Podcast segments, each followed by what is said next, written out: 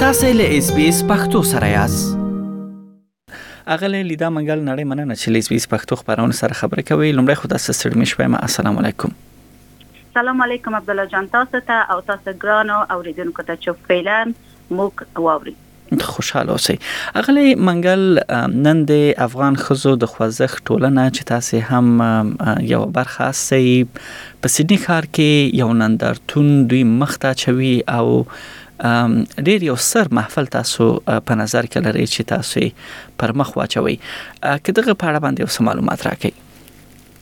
ډېره مننه عبدالله جان.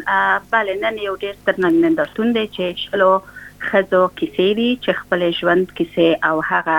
هڅې هغه تجربې چې دوی تېرې کړې دي په افغانستان کې هغه به نن په نمایش یا په نندارتون لایف خپرېږي نو په دغه نندارتون کې به ډېر ستر کسان پارلمان وزیران او خپل سفیر صاحب هم ګډون کوي نو زه هم په دو شلو کسانو جمله څخه یو خدای يم چې خپل ژوند تجربه کیسه او هغه حالتونه چې ما په افغانستان کې تیر کړی دي جنگ حالت او ماجرات او پاین زمان کې کله چې زه استرالیا ته راغلم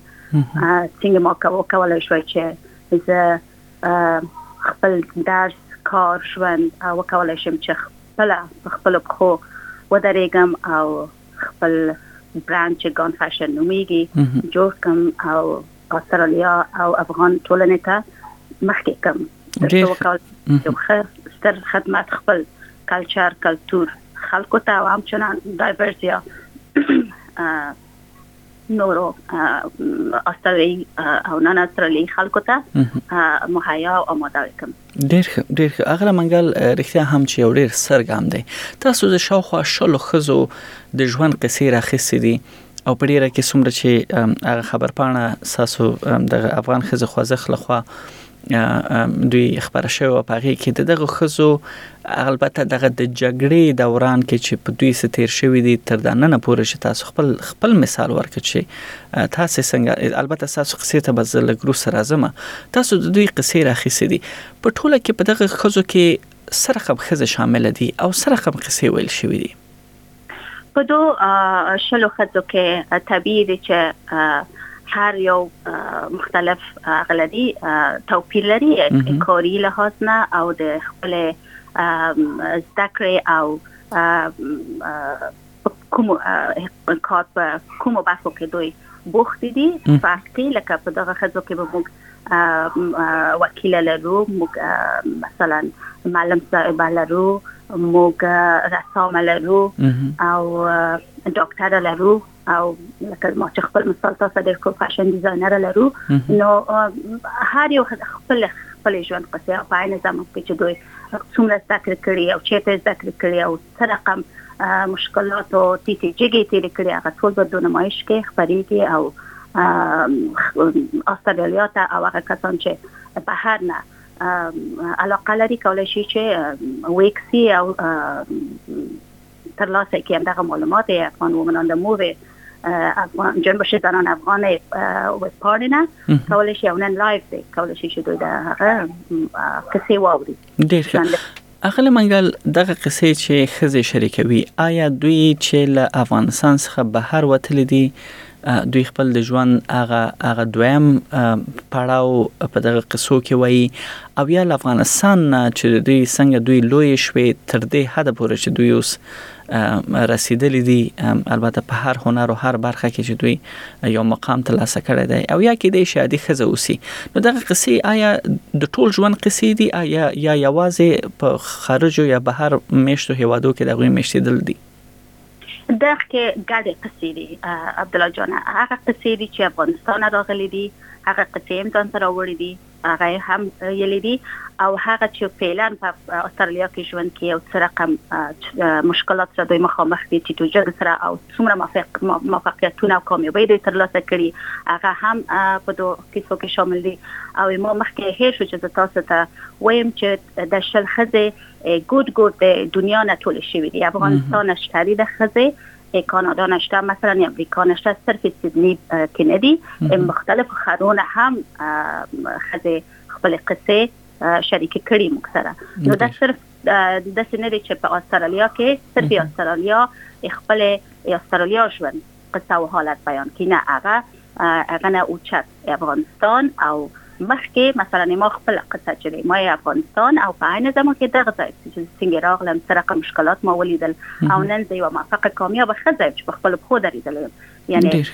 یو څه چې زه غواړم دا څه تاسو ته یاد کوم دا چې موږ ټول افغانان چې یو ډېر قوي خلک یو موږ په اسانۍ ماته نه منو مخصوصا افغان خزه افغان خزه ډېر مشکلات لیدلې دي او مشکلات سره لاس او پنجې نرمې کړې دي داسې نه دي چې کینې او وایي چې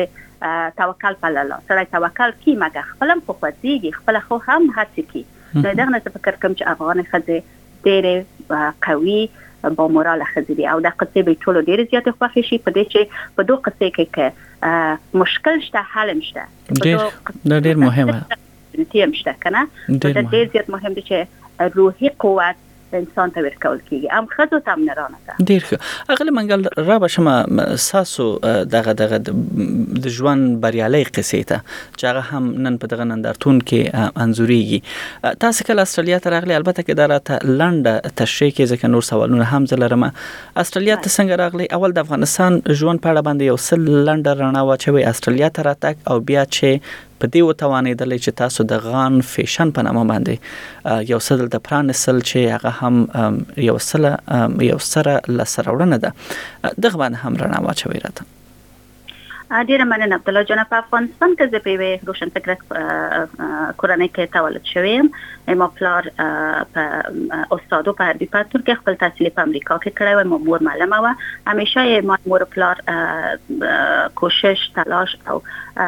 اصرار په تحصیل و په خزو او نرانو نو زه شپږم صنف کې هم کله چې نجیب الله ډاکټر نجیب الله حکومت بین لاړو او مجاهدین راغله افغانستان ته او کورنۍ جنگونه شروع شو نو موږ مهاجر شو پاکستان ته لاړو پاکستان کې ما خپل مکتب خلاص کړو ته ما کله چې مکتب خلاص کړو زه لاړم په یونیورسيټي کې مې درس واوي یو پاکستاني یونیورسيټي و ما خپل بچلر ډیګري هلته وخسته بیا زه یو دولتي مؤسسه کې په کار وګمارم شوم هلته ما کار شروع کړو او پس له هغه نه کله چې طالبانو دوران خلاص شو سای کرزی حکومت راغلو زه پته افغانستان ته راغلم حالت ما د خزو سره کار کولو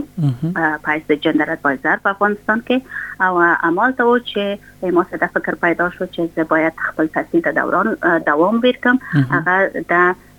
فکر په د ما ته پیدا شو چې ما یو دوه بهرني سفرونه لرل چې یو سلسله جاپان ته خزو په نمایندګي او افغان خزو نمایندګي مو هلته وکړه او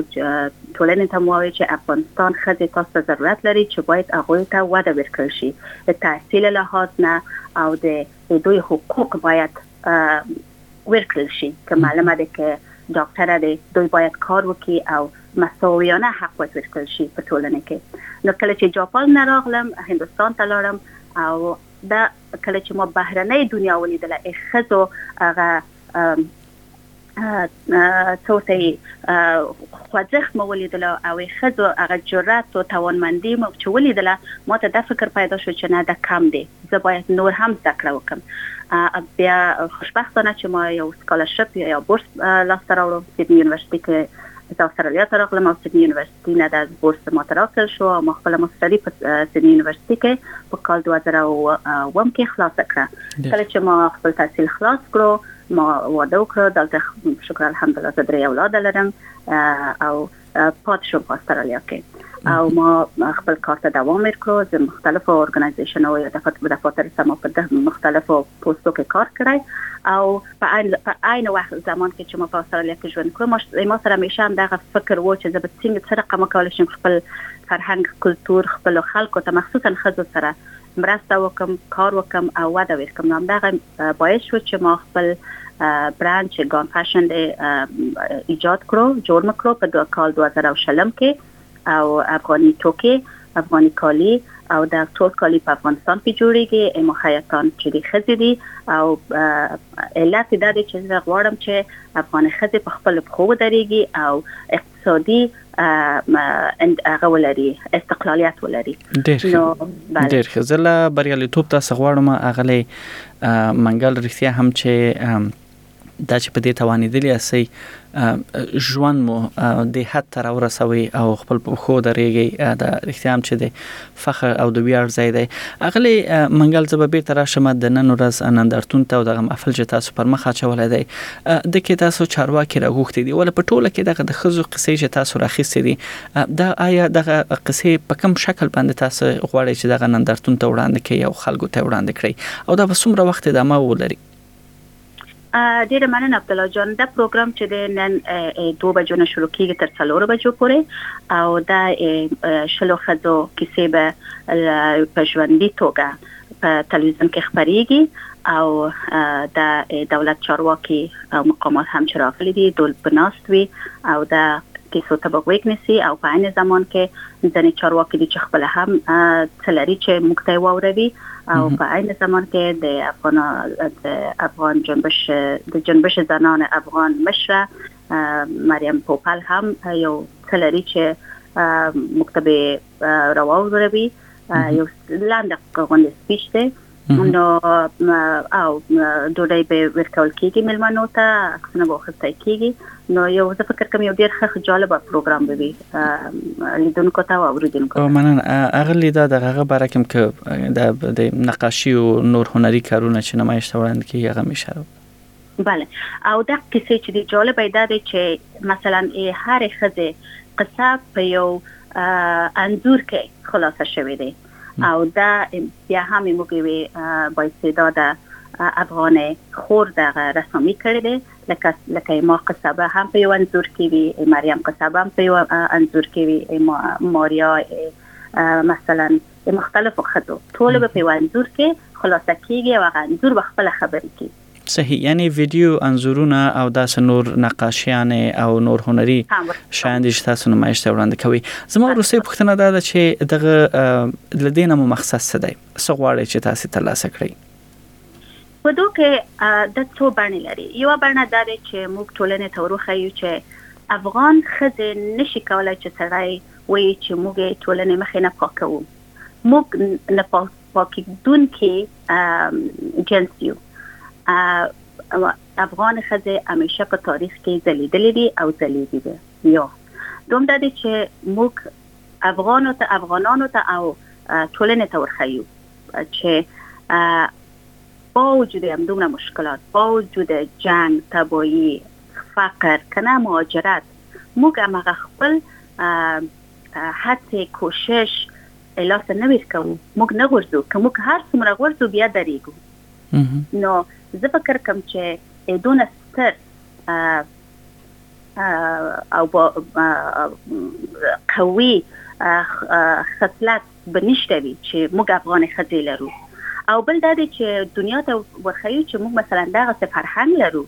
اعتصامي فرهنګ لرو مثلا په تلویزیون کې خبرېږو خبرې کو نونران سه اوږه په اوږه مو کار کړی کار کو داسې نه دی چې مثلا موږ وایو چې موږ صرف ښځې افغانې ښځې کور لپاره دي کور کارم کو په ډېر افتخار یې کو موږ خپل اولادونه هم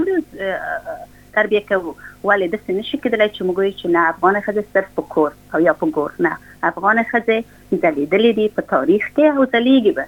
لا ډیر بریالیتوبونه تاسو غواړم اغلې لیدا منګل چې تاسو دومره فعالیت کوي او لمونږ سره مخابره وکړي نو ښه ورځ ولري او ښه غونډه تاسو غواړم. ډیره مننه عبدالله جان ډیره مننه تاسو نه الله مو مل شه اس پی اس پختو په فیسبوک کې تا کې پلی مطلب یو فاک کړئ نظر ور کړئ او له نورو سره شریک کړئ